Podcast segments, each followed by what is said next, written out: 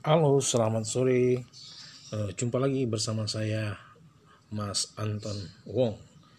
Eh, sekarang kita eh, menuju ke suatu perusahaan yang memproduksi bahan-bahan chemical yang berguna untuk ada yang untuk kesehatan, ada untuk lain-lain.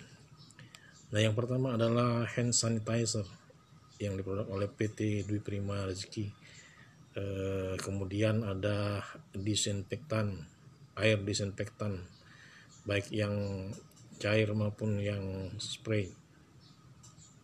Kemudian juga ada hand soap, hand soap eh, ada yang merah, hijau, dan lain-lain.